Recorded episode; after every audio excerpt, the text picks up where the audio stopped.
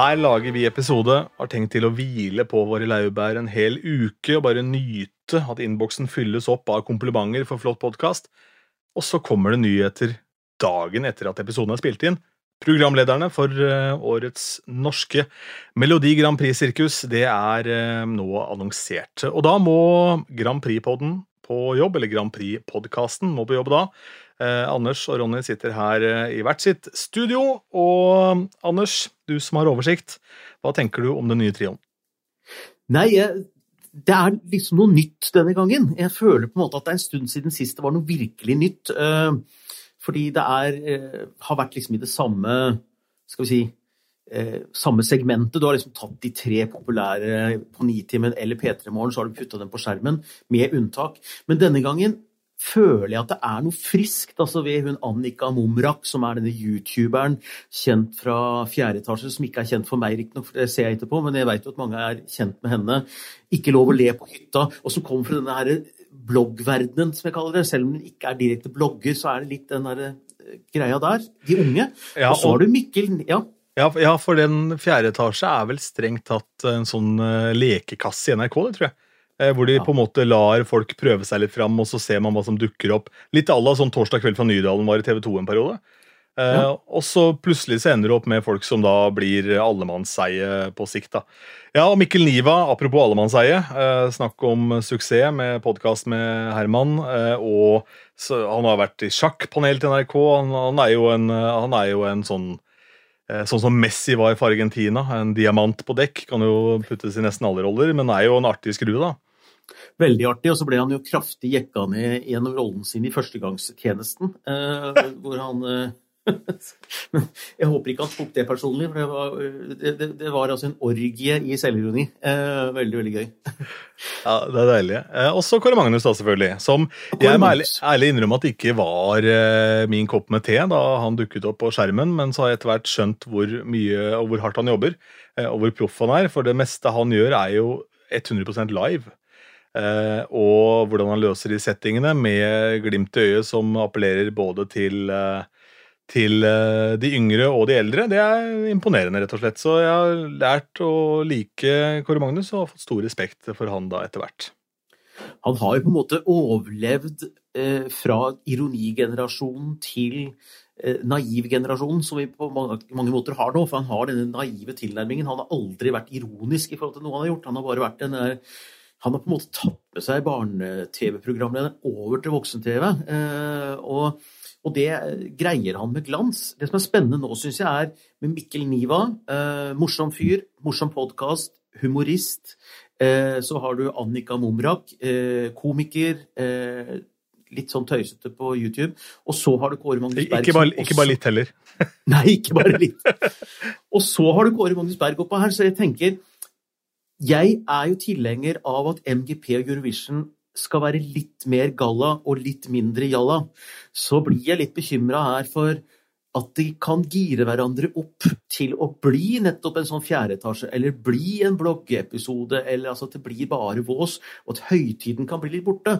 Men så tenker jeg jo også at Kåre Magnus Berg har så mye i seg at han også vil kunne håndtere den rollen, da. Det er jeg ganske sikker på det må jo åpenbart være det som er planen her, at han skal traktere den rollen. og Hvis han også fikser den biten da, og blir på en måte den, den trygge fordi det, det, mangler jo en voksen her i den sammensetningen sånn som det ser ut nå. Eh, og Da må jeg i hvert fall si at jeg er mektig imponert over det han uh, har fått til. Og Du nevnte jo også da før vi starta opptaket her at han har jo en veldig pussig bakgrunn. Det var nytt for meg. Det kan hende at noen av lytterne ei heller veit det. Ja, ja, nei, det er morsomt. Det er, jo, det er, jo åpen informasjon. Men hvis man leser litt om Kåre Magnus Berg, så skjønner en at uh, han er utdanna jeg tror det er billedkunstner, i hvert fall kunstner. Og eh, har hatt noen separatutstillinger i sin tid. Og jeg tror han har et verk hengende på et rådhus, og jeg lurer på om det er i Bærum. Dette kan jo folk rette opp, for eh, det er jo meningen med podkast at vi slenger ut faktafeil og faktainformasjon, og så sjekker lytterne, og så kommer de med sinte tilbakemeldinger. Det er jo greia med podkast. Ja, ja, er det det som var greia med podkast?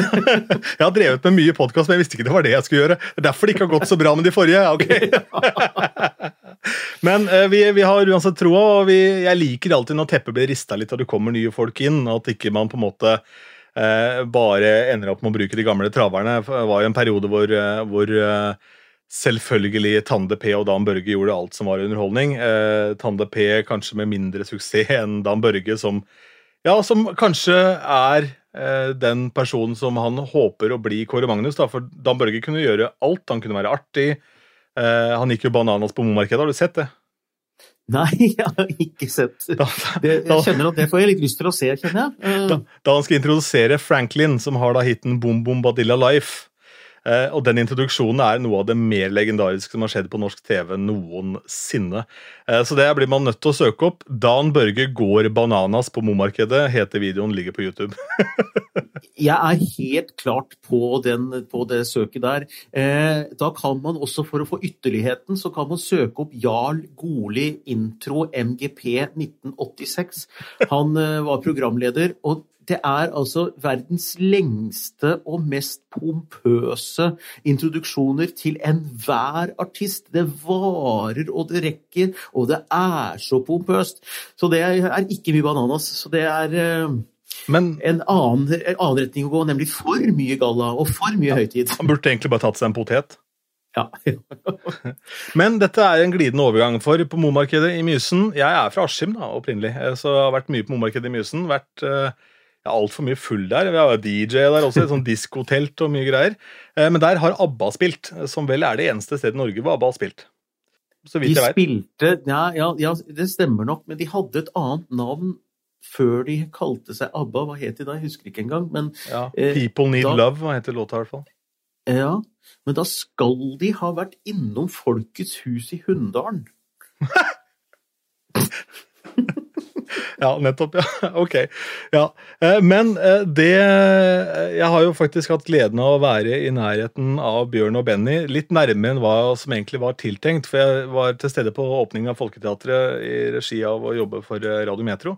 Som da var en helt ny radiokanal. Vi fikk akkreditering til den åpninga. Der var altså alt som kan krype og gå av kjendiser. Du kunne, du kunne bla gjennom Se og Hør, så kunne du bare krysse av alle du så. Og de hadde så lange linser, og altså, de var så ivrige. De hadde med flere penner, for blekket sprutet alle veier. um, og uh, der er jo da selvfølgelig disse to store kara som er, har milliarder av kroner, som har åpna dette huset. Oslo-losen kommer og gjør en privat opptreden. Han sier bl.a. at Petter Stordalen han, øh, høres ut som han kommer fra en stor dal, men dalen var ikke så stor, alle var bare like små som Petter. Eh, så det var jo en greie der. Men jeg tenkte jo da, da jeg sto i min vinterjakke som var også litt for tjukk, da, og jeg var også litt for tjukk, så jeg svetta fælt allerede, eh, og tenkte at jeg trekker meg tilbake så langt det går her, og så bare finner jeg en høyttaler, for jeg skal bare ta opp lyd allikevel. Så sto det en sånn liten pram ved siden av høyttaleren, sånn liten sånn ja, bitte liten scene, et sånn podie. Og jeg tenkte jo mitt stille sinn at dette var noe som ble brukt for å fortelle at det var kvarter igjen til forestilling eller noe. Men nei da, det var det podiet som Bjørn og Benny skulle opp på for å foreta den offisielle åpningen. Så der står jeg da med svette i panna, eh, denne vinterjakka med opptakeren min sånn over hodet opp til høyttaleren. Eh, og oh. idet de gutta kom inn i lokalet, så kunne du føle omtrent at temperaturen sank. Altså det, det, det, var, ja, det var som Lilly Bendriss måtte dukke opp og se om det var noe galt der. liksom. Eh, fordi du kan ha så mange milliarder på bok du vil. Eh, du kan være så mange ganger Se og Hør du vil, eh, og du kan være så pen og vakker du bare vil. Men ingen har klart å skrive 30 hitlåter, vet du. Det er, det er, ingen som gjør det. Nei, de er, det, de, de skjønner jeg. Og det er jo noen som har litt den eh, utstrålingen at du merker at de er ikke bare er i rommet, men at de nærmer seg rommet.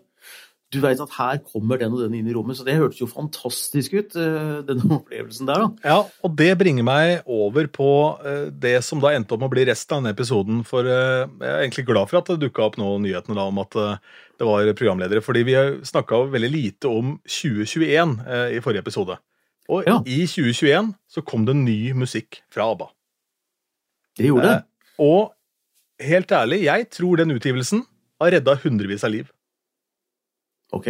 For det har vært bekmørkt over hele kloden pga. helvetes pandemien. Eh, og mange millioner mennesker på denne kloden har ABBA som sitt favorittband i livet. Og så dukker det opp en ny plate som appåtil er bra, som holder høy kvalitet, og som er såpass likt det de på en måte hadde. Eh, da jeg hørte de to første låtene, så syntes jeg den første var dørgende kjedelig. Den var fem minutter lang, helt håpløs. Men den derre Don't Shoot Me Down, Hadde den kommet på 70-tallet og hatt liksom enda mer sånn 70-talls polish-produksjon, så hadde det vært enda en ABBA-hit. For det er en ordentlig god låt. Og Jeg lager hvert år en topp ti-liste over de beste låtene det året, og så har jeg alltid noen boblere, og i år så ble ABBA en boble på den lista. For den plata, ja, helt ærlig, den, den tror jeg har redda mange liv. For tenk deg Musikk er veldig viktig for folk, og tenk deg da hvis ditt favorittband har ikke gitt ut en plate på Det var 40 år, nesten? Mm, mm. Og så kommer det et, Nei, 30 år var det, for det var 81, ja, ikke sant? Så kommer det et album et helt album som de står inne for. Som ikke er noe mikk-makk for å tjene penger. Det er bare 'dette gjør vi av ren pur glede', liksom. Mm. Eh, og helt ærlig, det tror jeg uh, utrolig mange, om ikke de direkte har redda livet, så tror jeg i hvert fall at uh, hverdagen har blitt betraktelig lysere da, pga. et knippe låter. Jeg er med på, er med på den, og så tenker jeg at det, det, er jo ikke nødvendigvis sånn at ABBA kan sies at de redda livet nødvendigvis, ikke sant, som du sier. Eh, men de gjorde jo det, fordi at hvis ikke de hadde gjort det, så hadde det mangla. altså, ja, ja. Eh, de gjorde det. Og det sammen med f.eks. at vi fikk en Eurovision-finale i 2021 med publikum igjen, så ble det en sånn eh, portal inn mot en normalitet igjen. Vi så publikum samla, riktignok med sånn koronapass og uh, alt dette. Og Norge vant jo én pris i årets uh, Eurovision. Det var den delegasjonen med flest koronasmitte. Uh, de hadde jo fem-seks i delegasjonen. Så MGP-sjefen ble jo sittende der nede i karantene, og så måtte, måtte, han i karantene når han kom hjem også. Det har vært litt lite i media om akkurat det. Men, så de ofra seg i hvert fall. Men poenget ditt Vi vant en til. Vi vant ja. en til. Vi hadde mest forelskede deltaker. Ja, det hadde vi. Ja. Og jeg, jeg tror pinadø at det var på ekte, ja, altså. Ja, det tror jeg òg. Helt ærlig, han falt ned fra månen. Han har ikke sett en vakrere jente i hele sitt liv, han.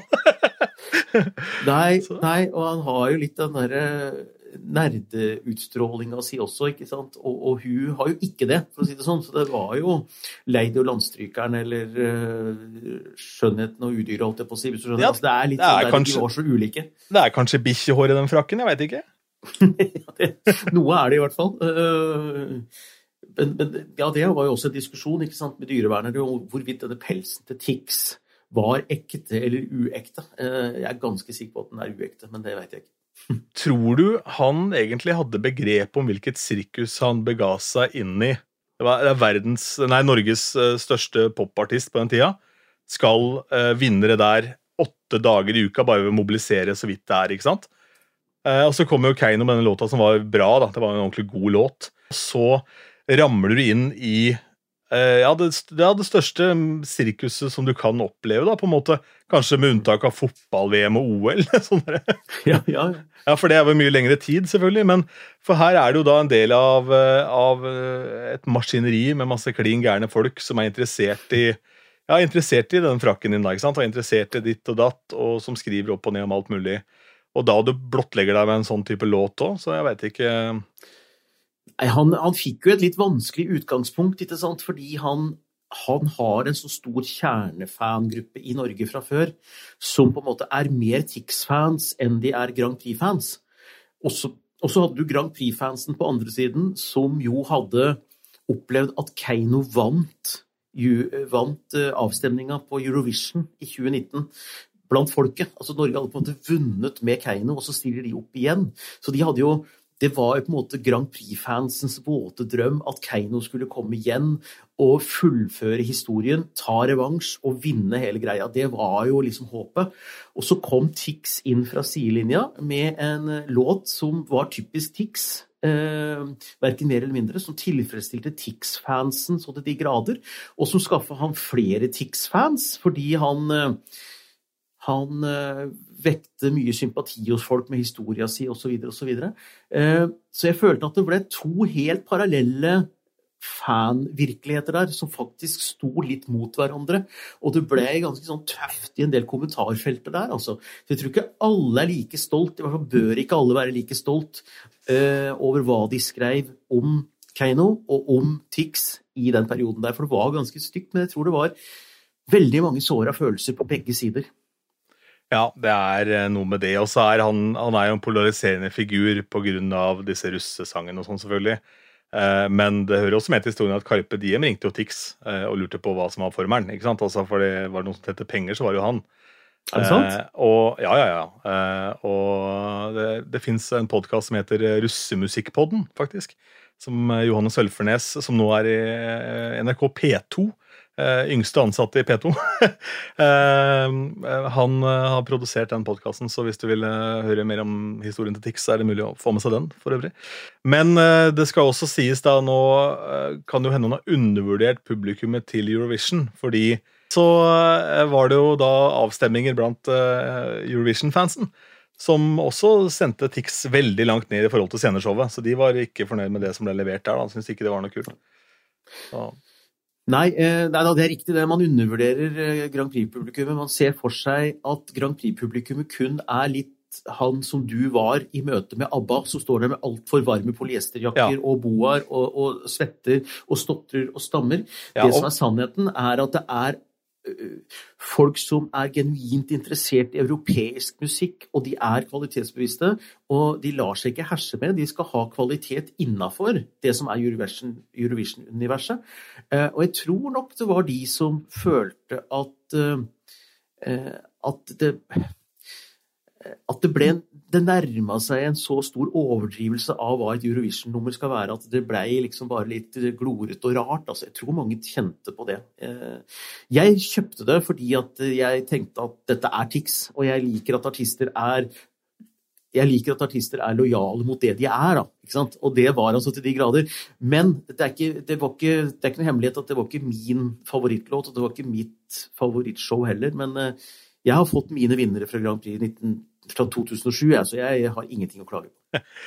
Men eh, Tix stilte opp i Melodi Grand Prix, vant at the peak of his power, så vidt det var. Hadde han ikke flippa til engelsk, den siste her, så hadde han tapt. Det er jeg helt sikker på. Eh, eh, for da så man at det var, kunne være potensial i Europa. ikke sant? Og da tenkte man ok, så fikk han de siste stemmene som trengtes. Men vil eh, denne da ja, Det må kunne sies å være en skuffelse da, når det går såpass dårlig i Europa som det gjorde, med en artist som er såpass stor eh, her hjemme. Vil det skremme godt etablerte artister for å da, midt i sin karriere, og liksom den kurven er veldig bratt, da, eh, vil det skremme de fra å delta i dette sirkuset? Nei, jeg tror faktisk ikke det. Eh, Jeg, eh, fordi det som skjedde med Tix, også når han snur og vender på at han kom på 18.-plass og eh, kom seg til finalen eh, gjennom MGP med ja, en rimelig grei margin, men selvfølgelig. Eh, Det var jo ikke så liten margin, det var 180 000 stemmer. Men, men la nå det ligge. Men uansett, nei, jeg, jeg tror ikke det, fordi at det er eh, han nådde jo mye breiere ut enn han ville gjort før. Altså, eh, Om han har fått 10 nye publikummere, eller 20 nye publikummere, eller 40 nye publikummere, eller 50 millioner nye publikummere. Det veit vi ikke, men han har i hvert fall fått flere enn han hadde før. Og de som var med han før, de har jo ikke de snur ikke ryggen til han fordi han gjør det dårlig i Eurovision, for for dem er ikke det så avgjørende. Nei, Det er fremdeles lov å være hore, ja. ja, ja. Ja, ja. De står liksom bak han uansett, ikke sant. Og så kan jeg ønske meg at han hadde Jeg er jo pappa til en datter på seks år, så jeg hadde jo ønska meg veldig at Tix hadde vært tydeligere på å ta avstand fra dette her eh, med å bade i fitter som han sang om, ikke sant. Jeg, jeg, Ja. syns ikke han har vært tydelig nok i å ta avstand fra det, så jeg har jo issues på akkurat det, må jeg må innrømme. Og det tror jeg gjaldt mange andre også. Men sett fra hans ståsted, så er det klart at han utvida Han ble lørdagsunderholder. Han ble jo liksom Mm. Han sitter i sånne paneler på NRK, og han ble regnvaska. Ja, Det skal også sies at det var det målgruppa ville ha. De ville ha mest mulig drittprat da i de låtene. ikke sant? Så han leverte jo på merket der, sånn sett. Men eh, la, oss, la oss la Tix ligge. Min favoritt eh, det var Blåsemafiaen, som jeg syns eh, var en kul greie. Eh, og eh, jeg noterte meg på mobilen for flere uker siden, for jeg har snakka om å starte denne podkasten en, en liten stund. Eh, og da noterte jeg meg at den egentlige vinneren av Melodi Grand Prix i Norge var Blåsemafiaen. Fordi da var jeg og leverte et lydanlegg på Thon Hotell Arena og ser Blåsemafiaen underholder et julebord. Og så var jeg spilte på et annet julebord, og da kommer Blåsemafiaen dit òg. Så, så de gjorde sikkert tre, fire, fem eventjobber fordi en sånn trupp som rusler inn, som alle kjenner igjen, som var en del av 17. mai-programmet til NRK. ikke sant? Eh, En sånn trupp som rusler inn i en middag, spiller én låt, kanskje to, Det er jo perfekt. 100 000 kroner, 150 000, smack, smack. Jeg er helt sikker på at de er kjempefornøyd med det de fikk ut av MGP, og det besvarer også spørsmålet ditt i forhold til etablerte artister. Blåsmafiaen var jo etablerte, de også, men ikke i forgrunn, men som et veldig respektabelt uh, blåserekke som har vært med mange andre artister. De stilte opp, de mobiliserte korpsbevegelsen på forhånd og, og blei allemannseie. Uh, nå kan du si at det gjorde Keiino også, men Keiino var det litt fra før. Uh, men de befesta sin posisjon. De også skal opptre, Keiino skal opptre i den australske finalen av eh, Eurovision nå. Yes. Kult. De, og de har fått noen midler fra staten også til sånn eksportmidler. Så de tror jeg også er fornøyd. Så det er mange måter å vinne MGP på. La oss bevege oss til Europa. Vi har vært der en periode med Tix, men la oss la han ligge. Eh, her ender Måneskin opp med å vinne. Eh, og det er første rockeacten som vinner sin Lorde, eller? Ja, det Ja, det må det være. Eh, jeg er ganske sikker på det. Eh, hvis ikke så har jeg glemt noe veldig Nei, nei, nei, for det var ja, veldig mye svensker i mellomtida, vet du. Ja, ja. ja. ja. Uh, nei, det var helt klart.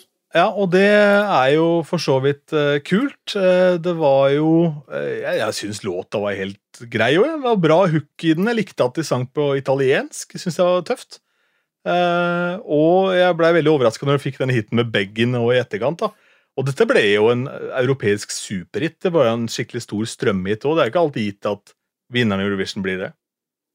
Nei, og det er litt interessant i en låtkonkurranse uh, at Måneskin som band ble større suksess enn selve vinnerlåta. Fordi de eh, lå jo høyere på lista med andre låter enn selve den de vant Eurovision med. Men allikevel så eh, ja, det var, det var riktignok den engelske varianten av den låta. da. Den derre uh, Slave, eller hva det heter for noe. Det er vel den engelske ja. oversettelsen av uh... Nei, det er ikke det. Det er en egen låt. Det er to er det forskjellige det? låter. Mm, det er to forskjellige låter. Yes. Det er det. Ja, uh, slave to ja. Dette må vi sjekke. ja, nei, men, men, ja, men jeg trodde det var, trodde det var engelske varianten. Ja, nei, jeg tror, tror, ikke det, altså. Men, men, det som er det interessante, det er jo at Det som er det veldig interessante her, syns jeg, det er at Eh, Måneskin var også etablert da de var med i San Remo-festivalen, som er den nasjonale finalen. Du spurte i sted om eh, vi skal være redd for at kjente artister ikke tør å være med i MGP etter forhold til hva de så hva hendte med Tix. Men så tror jeg svaret på det er større. Jeg tror at folk så hva som skjedde med eh, Måneskin, og at du kan være med i Eurovision med noe som er kredibelt, noe som er så fantastisk bra, og eh, det eneste du risikerer, det er å få framført låta di for 400 millioner seere eh, med ja. strømming, og, ja. og, få en hit i verden. Og kommer du på 18.-plass, så har du fortsatt fansen din med deg. Du har fått noen nye, men ikke så mange som hvis du vinner. Så jeg tror risken er liten, men oppsida er veldig stor, da. Mm. Jeg er veldig fan av tall og analyse. Det er noe jeg liker veldig å kikke på. Det henger sammen med at det er programmert mye radio.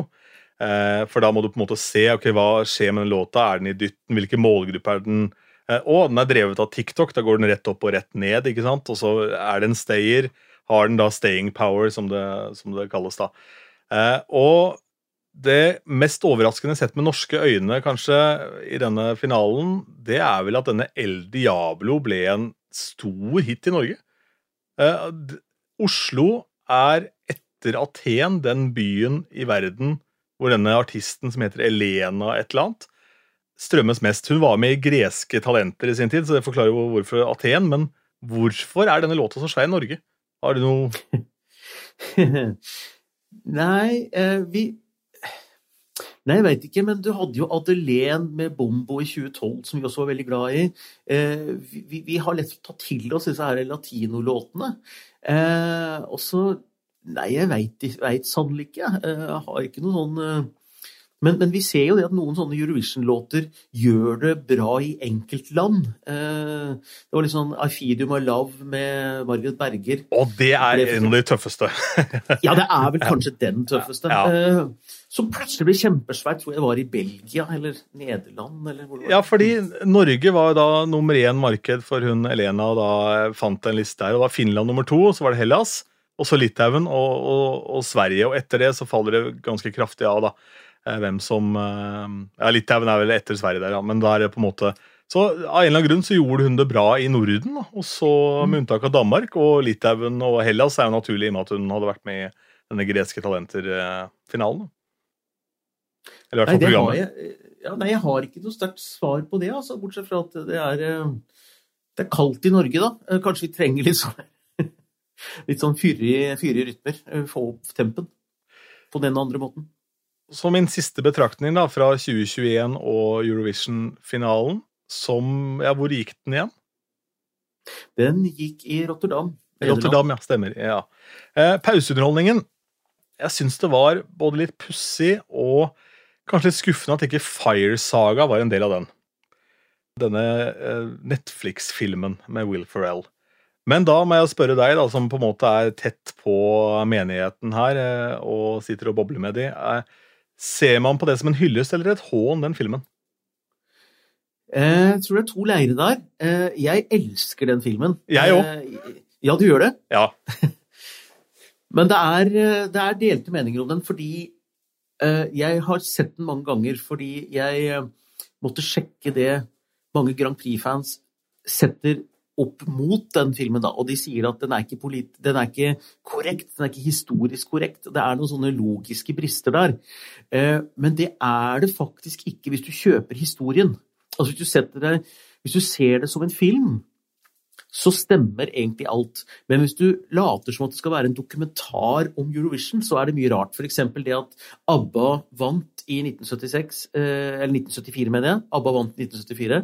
Det betyr at hvis denne finalen er i nåtid, så må de jo da være rundt 60 år gamle, disse her som er med. Eh, altså, og så ser de mye yngre ut. Det er én sånn logisk brist. Eh, en annen logisk brist, visstnok, det er det at det, det var poengopplesning i semien. Men det er det aldri i semien. Men som filmatisk grep så funker det jo både rotritt med tidslinjer og alt dette her. Ja, altså, Historien i Bohemian Rhapsody er også helt ute å kjøre. Eh, og Her snakker vi om verdens største frontfigur som er død og har en legacy. på en måte. Det har vi også rota ganske kraftig til bare for å lage en god film. Eh, Ja. Så jeg tror vi, det må man bare legge fra seg. Da, da, da er det vanskelig for å være vanskelig, og det vil man kanskje være hvis man blir litt såra av en del ting der. da, det skjønner jeg jo. Men nei, jeg syns den trykka på de riktige knappene. Jeg syns det var høy kvalitet på en del av låtene. Den Husavik-låta, den der, altså hadde det det samme temaet kunne vært i en finale, så tror jeg jeg kunne gjort det bra. Ja, ja, ja. Og det, det er jo en låt som Jeg satt jo og, var skikkelig rørt. Jeg griner, jeg, når den der scenen der kommer i, i filmen. Og det er godt gjort på en såpass tullete film, da. Men den må jo på en måte kjøpe sjangeren, og det er på en måte en hyllest også til Eurovision. For Eurovision og denne filmen har det til felles at du må kjøpe pakka. Og gjør du ikke det, så blir det vanskelig å forholde seg til det. altså. Så når jeg ser Will Ferrell, så ser jeg Will Ferrell. Ser Eurovision, så ser Eurovision. Og det er ikke en dokumentar, da. så Nei. Det er, Nei, nei, nei. Eh, Jeg skal gå og sjekke bare for moro skyld hvem som har skrevet den låta. Eh, Se om det det er i alle fall Molly Sandén som synger den, og Molly Sandén uh, har jo vært med mye i uh, Melodifestivalen flere anledninger. og flott jente, syns jeg, som også står for veldig mye bra i forhold til kroppsskam og eh, jentekamp. Så jeg syns det var veldig Nei, dette, Litt dette er gøy at sang den. selvfølgelig en, eh, en svenske som står eh, bak den, som er hovedlåtskriver, som er Rikard Göransson. Han har da andre kunder på lista. Ariana Grande, Jessie J, Nicki Minaj, Avril Lavigne. Så han, han er en popmester av rang, han fyren her, da. Og så er det. Ja. Han kan dette. Svenskene er gode på popmusikk, det må være lov å si. Så De er, jeg pleier å si de er irriterende gode. ja, det er det. Men det de gjør som ikke vi gjør her på Berget, det er at de deler kunnskapen sin. Eh, Det er kollektiv eh, i gamle Sharon Studios som Dennis Pop drev. Dennis Pop dør, hans protesjé eh, Max Martin starter opp Wolf Cousins på akkurat samme modell. Der koker en fyr som heter Skjellbakk kaffe. Og så sitter det en jente med kort hår inne hos Max Martin, for han er popkongen, ikke sant. Så sier Max Martin du, Shellback, eh, altså, hadde ikke du et riff? eh, Hvordan gikk det riffet igjen? Og det riffet gikk sånn her. Na-na-na-na-na-na-na-na-na-na. Fire uker etterpå er han nummer én i USA på Billboard. eh, Og har låtskriverkreditt på låta til Pink. Fantastisk. Det, det var morsomme historier, Ronny. og jeg, jeg, tenker at Det minner jo litt om det som Stig Karlsen, MGP-sjefen, prøver å få til ved at han arrangerer sånne låtskrivercamper rundt omkring, hvor eh, eh, han samler kompetansen da, i sånne klynger. Eh, og, og, at kanskje til og med MGP kan være en drivkraft for norsk pop. da, Og gjøre at popbransjen også rotter seg sammen og deler. fordi rockeartistene de gjør det jo allerede, og hiphopbransjen har en slags greie. Men pop der skal man liksom være litt sånn enkeltindivider og sånn, men uh, mer kollektiv der også. Men hva gjør en gutt som fra, fra Mysen når han møter en kar som er fra Bergen? Det er helbom, det er ikke bare helbom, det er bom-bom, og de får dilla, og, men de er live. De er live her. Franklin, bom, bom, bom, bombadilla live!